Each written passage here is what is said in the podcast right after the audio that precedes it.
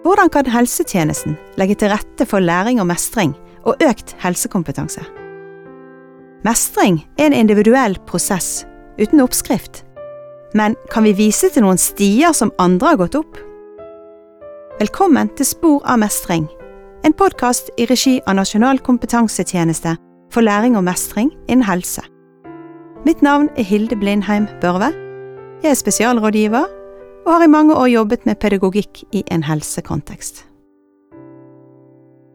Velkommen til Spor av mestring, André Vågen. Innledningsvis så ønsker jeg at vi får bli litt kjent med deg, André.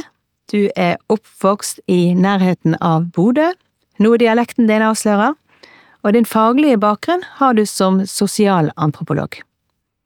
Kan du si litt om hva du har jobbet med, for det har blitt noen år etter du var ferdig med studier, André? Du, jeg jobba med mye forskjellig, egentlig. Eh, for å ta litt om utdanningsbakgrunnen også, så har jeg hovedfag i sosialantropologi, som er studie av kulturer. Eh, og, så, og der gjorde jeg et feltarbeid blant fargede pinsevenner i, i Durban i Sør-Afrika. Eh, så det gjorde jeg da. Og så var det å ta en Eh, doktorgrad eh, på Senter for profesjonsstudier, eh, som er et sted på Oslo OsloMet. Og der skrev jeg om læring blant medisinstudenter i, i Oslo. Så jeg tenker jo at Jeg sier ofte på spøk at det er en helt naturlig og logisk overgang fra pinsevenner i Sør-Afrika mhm. til, til medisinstudenter i Oslo. Ja, ja. Så ja, så har jeg da de siste årene jobba på Nasjonal kompetansetjeneste for læring og mestring innen helse. NKLMH. Eh, og der har jo helsepedagogikken vært eh, viktig. Og i dag jobber du som seniorforsker ved NKLMH, Nasjonal kompetansetjeneste, i tett samarbeid med praksisfeltet og spesialrådgiverne der. Du har forsket mye og har skrevet flere litteraturoppsummeringer, som dere kaller det. Og i 2020 så var du redaktør for en lærebok i helsepedagogikk, som står på pensumlisten til mange utdanninger innenfor helse- og sosialfag. Og da lurer jeg på hvorfor den interessen for akkurat helsepedagogikk? Du er sosialantropolog, sier du. Hvorfor helsepedagogikk? Nei, eh, si det. Eh, jeg tror kanskje det kan ha noe med at jeg har vært interessert i læringsprosesser, eh, egentlig. Men det er i mange forskjellige sammenhenger. Eh, enten det har vært snakk om, om, læring i en religiøs sammenheng, eller som student, eh, kanskje på legeutdanninga eller andre utdanninger. Eh, og så, etter hvert, da har jo interessen kommet for, for lærings- og mestringstilbud, altså man kan si pasientlæring. Og det ble jeg faktisk første gang introdusert for på disputasmiddagen min. Jeg hadde vært og snakka om eh, legestudenter, eh, og så fikk jeg en gave fra en av opponentene mine, en som heter Roger Seljø, eh, en svensk pedagog. Og den boka heter Pasientlærende, altså på norsk pasientlæring. Eh, og da tenkte jeg ikke så mye på det. Ja vel, bok, fint, sett den i bokhylla. Eh, tenkte ikke noe, noe, mer over det. Eh, men fire år etterpå så, så søkte jeg jobb på NKLMH. Eh, og da leste jeg den boka fra A til Å eh, før jobbintervjuet. men det visste jo ikke da jeg fikk den. Men eh, ja, og så har, har, jo da altså pedagogisk kompetanseutvikling, ikke blant pinsevenner eller studenter, men blant fagpersoner og, og brukere. Eh, altså helsepedagogisk kompetanseutvikling er jo det. Ja, så det vil si har vært en ganske sånn rød, rød tråd.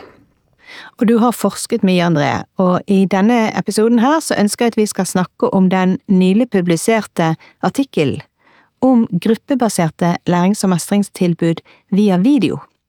Og den er publisert i tidsskriftet Patient Education and Counseling. Og kan ikke du si litt om bakgrunnen for akkurat den studien, André? Jo, en, en viktig bakgrunn var jo ønska fra de som, som var involvert i lærings- og mestringsvirksomhet, eh, som sto midt i i en eh, pandemi, ikke hadde hatt digitale tilbud før, eh, men kastet seg rundt. Eh, så det var et behov tidlig for å få vite noe mer om forskningsgrunnlaget for å gjøre det digitalt og ikke fysisk. Eh, har det like god effekt som fysiske tilbud? Kan vi gjøre det på denne måten? Eh, er det dekning for det her, så å si.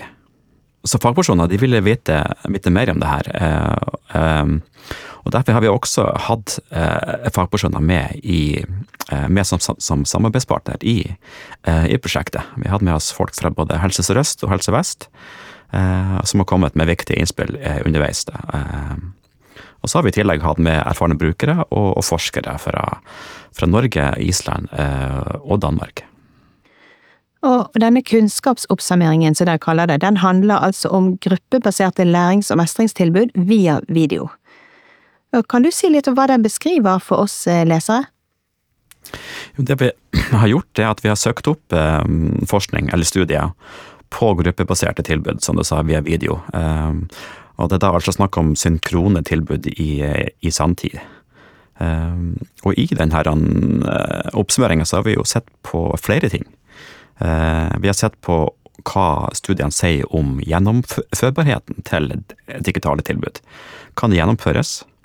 Eh, det er det ene. Eh, og så har vi sett på hva deltakerne, som da er pasienter og pårørende som har vært med på disse tilbudene, eh, altså, er de tilfreds med tilbudene? I hvor stor grad er de tilfreds, og på hvilken måte? Og det siste vi har sett på, er hvilke helsegevinster har pasienter og, og pårørende av å delta på sånne tilbud eller kurs. Har de fått mer kunnskap om sin egen sykdom? har de opplevd eh, økt mestring som et resultat av å ha deltatt. Men først, du sier dere har undersøkt gjennomførbarheten til disse videotilbudene. Hva legger du i det, kan du si litt mer om gjennomførbarhet? Ja, Vi har sett eh, nærmere på um, hvor godt oppmøte det er på tilbudene. Altså hvor mange av de som er rekruttert, eller hvor mange av dem som har sagt at de skal være med, eh, er med eller møter opp. Det er ett spørsmål. Et annet er i hvor stor grad deltar de på kurset når de først eh, har kommet dit. Eh, på hvor mange kursdager eh, er de med på, og hvor mange er det som faller fra underveis også. Ja, sånne ting. Mm. Ja, hva finner dere da, når du sier dette? Kan du si litt mer om hva dere finner? De fleste, Hvis du tar det første punktet, altså om oppmøte, så viser de fleste studiene et godt oppmøte. I ja, I hovedandelen av studiene så hadde deltakerne en oppmøteprosent på 50 eh, i snitt. Altså at eh, over halvparten av de som sa ja til å være med på kurs, eh, møtte opp. Og de fleste hadde også ganske høy grad av deltakelse, altså deltakelsesgrad. Den var på rundt 75% i snitt, altså, som vil si at de i snitt møtte opp på tre av fire kursdager. Og så var det også et lavt frafall i de fleste studiene. Så det var ganske bra, syns jeg. Kan du komme med noen eksempler som beskriver dette, så vi forstår det litt bedre? Ja, um, kan kanskje nevne en studie fra USA uh, som undersøkte et tilbud eller kurs for personer med overvekt. Uh, og Der sammenligna man to versjoner av det, det samme tiltaket. Uh, det var en halvpart med deltakere som fikk et fysisk tilbud. Eh, og så fikk den andre tilbudet hjemme via video. Eh, og alle komponentene i det fysiske tilbudet lot seg ganske godt tilpasse eh, en digital versjon, med noen, noen justeringer. Men der, i den artikkelen, så viste det seg at deltakerne gikk ned i vekt i begge gruppene. Altså gikk ned uavhengig av hvilket tilbud eller versjon de mottok. Eh, og oppmøtet i den digitale versjonen viste seg faktisk å være bedre eh, sammenlignet med den andre. Eh, og det var også ganske lite frafall. Så det er ja, et eksempel på den sida. Et eksempel på den andre sida, si, kan jo være en, en, studie av et tilbud til foreldre som har barn, barn med kreft. Her var det bare rundt 30% som fullførte tilbudet, så, så ikke så mange. Og en mulig forklaring på det, som, som kom fram i denne studien, eh, altså det kom fra deltakere sjøl, som, som syntes at tilbudet var for, for, tidskrevende. Altså det gikk over for lang tid. Eh, og de syntes selv ikke innholdet i tilbudet var godt nok tilpassa den situasjonen som de sto i. Eh, så det viser hvor viktig det er å tilpasse tilbudet sitt, sin varighet og innhold. Eh, altså hvor viktig det er å tilpasse det til, til, behovene til den som, som, som, er der. Jeg sitter og, og lytter til det, André, og så har jeg faktisk kanskje glemt å spørre deg hvor mange studier var det dere undersøkte? Var det to, eller var det hundre studier vi snakker om her? Det ble i alt 65 studier, ehm, og de var publisert i perioden mellom 2015 og 2022, i mai 2022. Ja, så du fikk med pandemien naturlig nok inn i dette. Ja. Du nevnte også tilfredshet, André. Hvor fornøyd var deltakerne med dette tilbudet? Hva kan du si om det? Jo, kanskje ikke uventa, eh, for så vidt. Eh, altså, de eh, Gjennomførbarheten var jo, også, var jo god, eh, og sånn sett så, så, så, er det kanskje ikke så rart at, at de fleste studiene viste ganske høy tilfredshet. Både, både, blant pasienter og, og pårørende. Og de var, var fornøyd med mange forskjellige sider ved kurset eller tilbudet. De er for eksempel fornøyd med at de fikk digital bistand eller support Enten de gjaldt det å få hjelp til å sjekke nettet, til å sjekke plattformen, eh, lyd, lyd og bilde, eh, sånne ting. Eh, men også at de, i noen tilfeller iallfall, fikk testa ting i, i, forkant. Og ikke minst at det var noen som kunne ta seg av tekniske forhold underveis. Det var noe som mange, mange fremheva. Det er veldig forståelig, for det tror jeg veldig mange stresser med hvis en skal begynne på noe, et nytt format. I hvert fall ville jeg ha stresset med det før pandemien. Ja, helt klart. Ja. Og jeg også. Så de, de, er fornøyd med det, og, og, også det at de kan spare tid og penger. Um, I en studie så var det noen som sa at uh, hadde det ikke vært for at tilbudet var digitalt, så, så hadde de ikke deltatt eller meldt seg på eh, i utgangspunktet. Eh, pårørende som måtte se til en, en syk person hjemme, hadde ikke kunnet vært med ellers, for eksempel. Ja, det er et vesentlig poeng du, du beskriver der. Ja. Men hva med effekter og utbytte av tilbudet, da? Hva sitter pasienter og pårørende igjen med etter at de har vært på kurs digitalt? Hva finner dere her? Gir det noen gevinst, en helsegevinst, hvis vi skal snakke om det? Jo, altså 41 av 51 eh, studier eh, som har undersøkt effekter, eh, finner såkalt statistiske signifikante forskjeller eller endringer eh, hos enten pasienter eller pårørende. Da må jeg stoppe deg litt, André. Signifikante eh, endringer, kan du bare si litt om det? Statistisk signifikante endringer? Hva legger du i det? Jo, det er snakk om, om endringer um, før og etter um, et kurs, og hvor sterk den endringen kan sies å være. Uh, altså Man bruker jo da her spørreskjema som man deler ut til kursdeltakere, før kurset og etterpå. Um, hvis man tar kunnskap som et eksempel, Altså har kunnskapen økt vesentlig uh, når man sammenligner det de sa før kurset og etter kurset. Uh, og det er det snakk om en vitenskapelig vurdering av om de, de forskjellene, eller endringer, eh, er, er, er vesentlige. Altså såpass vesentlige at de kan sies å utgjøres en, en forskjell, egentlig. Men hva med det vi vet fra fysiske tilbud? Det med å treffe andre i en lignende situasjon? Jo, det også. Deltakere rapporterer at de føler seg mindre alene eh, og mindre isolert eh, ifra andre. Så det verdsetter det å ha fått kontakt med andre som er i en lignende situasjon, eh, og det å, å lære av, av, av, andre. Så det å oppleve en tilhørighet til et fellesskap, eller en gruppe, er viktig. Ehm, og noen rapporterer også om å ha fått god kontakt med kurslederen, og det syns jeg også er er interessant å, å merke seg. Sånn at overordna sett så, så, tegner studiene et lovende bilde, eh, kan man si, av potensialet for helsegevinster i gruppebaserte videotilbud. Eh, Noe som er også i tråd med mye annen forskning på digitale løsninger. Ja, men hva, hva, betyr det egentlig, André? Betyr det at man derfor kan anbefale helseforetak og kommuner å legge om noe fra fysiske til digitale tilbud og kurs? Siden bildet er så lovende som du sier, hva ligger egentlig i det? Jo, eh, godt spørsmål. Det er fint at du, at du spør om det. Eh, og det er viktig å nyansere her, her sånn. Eh, det korte svaret på, på spørsmålet ditt vil jeg jo si er, egentlig er nei. Altså, man kan ikke anbefale en sånn omlegging basert på, på vår kunnskapsoppsummering. Ehm, og så er spørsmålet ja, men hvorfor ikke? Man sier jo at resultatene er lovende. Men det er ulike grunner til, til det. En grunn handler om forskningsmetodene til de fleste studiene som vi har oppsummert. Det er flere metodiske svakheter her, og det er for få studier som bruker en metode som kan si noe om effekt av et kurs eller et tilbud. Såkalte RCT-studier.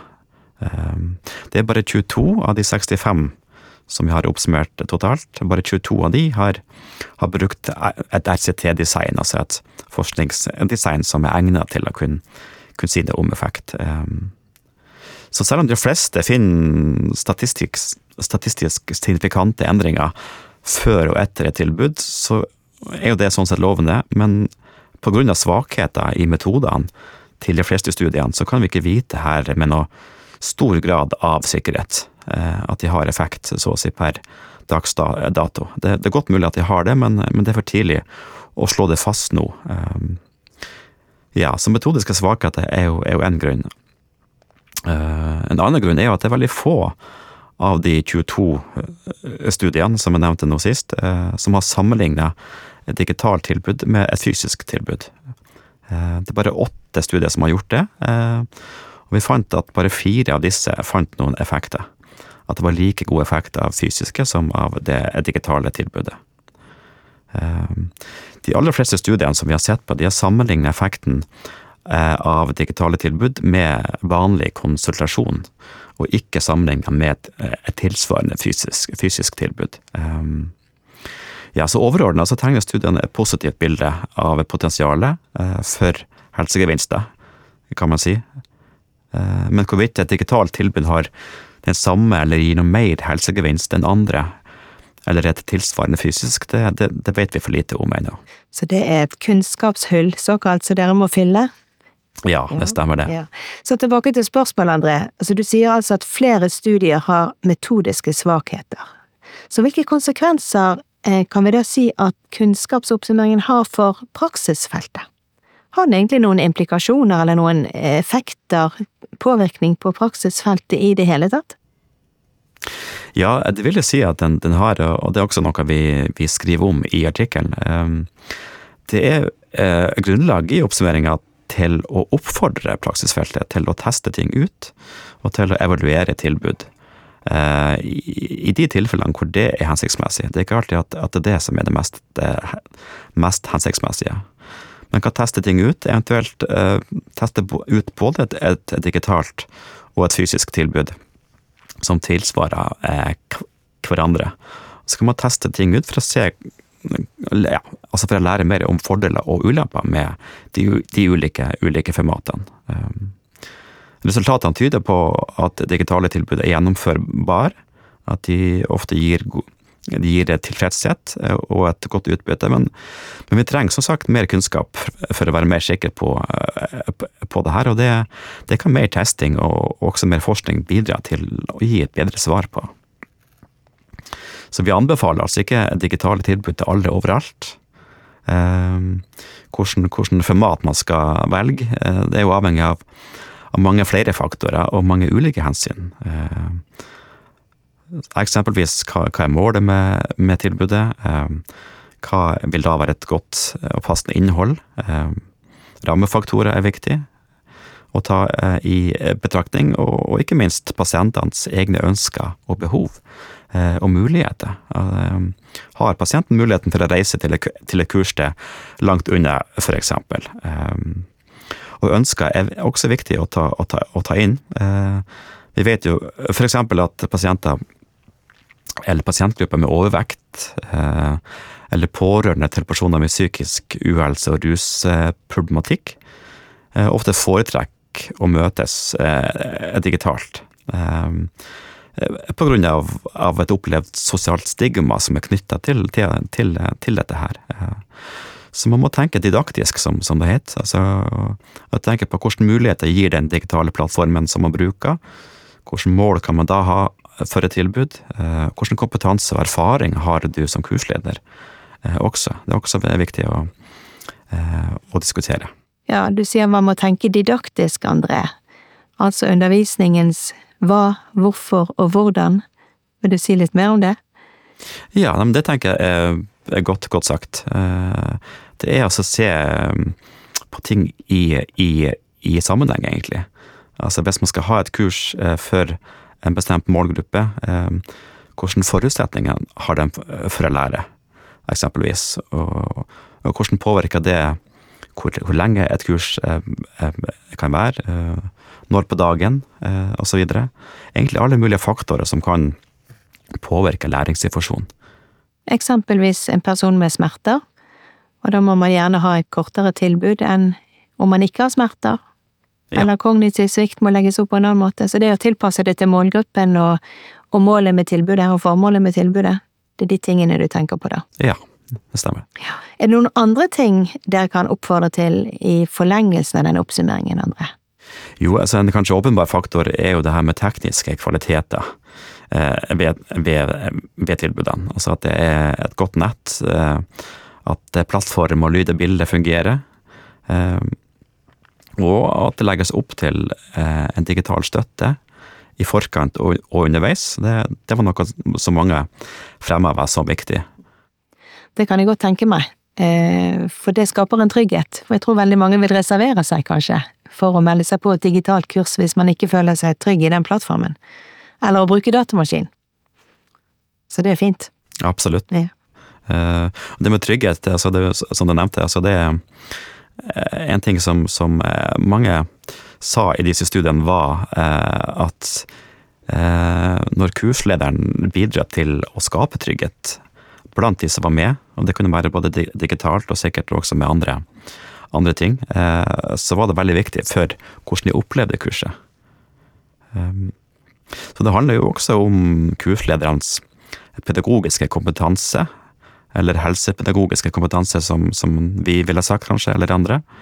Um, I enkeltstudier som, som, fant positive eh, resultater, så, så fremheva eh, pasienter og pårørende også nettopp det. Altså, betyd, altså viktigheten av kurslederens evne til å skape trygghet, eh, og kurslederens kompetanse. Eh, eh, og da snakker de ofte om, om evnen som kurslederen har til å skape en god gruppedynamikk mellom de som, som, som deltar i en gruppe digitalt.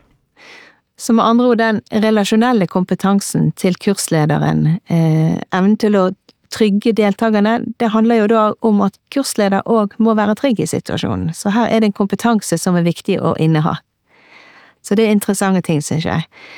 Men hvis vi nå skal gå inn for landing, André, eh, for lyttere til denne podkasten som kanskje vurderer om de skal tilby et gruppebasert digitalt eh, tilbud til pasienter eller pårørende, hva er det viktigste de kan ta med seg, tenker du, André? Ja, altså tenker vel at man uh, ikke skal la være å gi fysiske tilbud, og bare gi digitale tilbud, tenker jeg er en viktig ting også, også ta med seg. At digitale tilbud er bedre enn en, en fysisk. Men uh, det, fordi forskninga som vi har sett på er, er, lovende, så gir det også en basis eller et, et grunnlag for å teste ting ut. digitale tilbudet har har mye for seg også, og har, har flere fordeler, eh, men også ulemper. Eh, så i vurderinga for mat så må man ta, ta ulike hensyn eh, inn, og tenke didaktisk. Og ikke bare til utgangspunkt i det som forskninga sier. Så man må også trekke inn erfaringer som kursledere har, og pasienters erfaringskunnskap, altså jobbe kunnskapsbasert, som dere pleier å si, dere forskere. Eh, er det det du tenker, André? Ja, jeg tenker, jeg tenker på langt vei det. Eh, og det er jo det kunnskapsbasert praksis handler om. Altså at man gjør vurderinger, og så at man gjør beslutninger. Eh, ikke bare basert på forskningskunnskap, eller forskning, men også på basis av kunnskaper og erfaringer til fagpersoner og brukere og kursledere.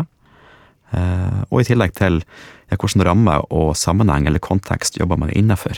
Det vil også kunne, kunne påvirke ting. Er det organisatoriske hensyn å ta? Er det økonomiske hensyn å ta? Sånne ting. Krever tilbudet en spesiell kompetanse? Ehm, er det noen juridiske føringer som man må ta hensyn til? Ehm, eller, ja, geografisk beliggenhet en utfordring for eksempel. Så det handler om å basere seg på ulike typer kunnskap og hensyn, og, prøve å balansere disse i forhold til hverandre på, på en best mulig måte. Så oppsummeringen anbefaler ikke å, å legge om fra fysiske tilbud til digitale tilbud, men å jobbe kunnskapsbasert og, og dermed jobbe med, med, med jevnlig kvalitetsforbedring eh, av tjenester eh, og tilbud. For de som ønsker å lese mer om denne artikkelen, så er det mulig å laste den ned på nettsiden mestring.no. Så tusen takk for det du har delt, André, og takk for at du kom i studio. Takk for at jeg fikk komme. På gjenhør til nye samtaler om spor av mestring.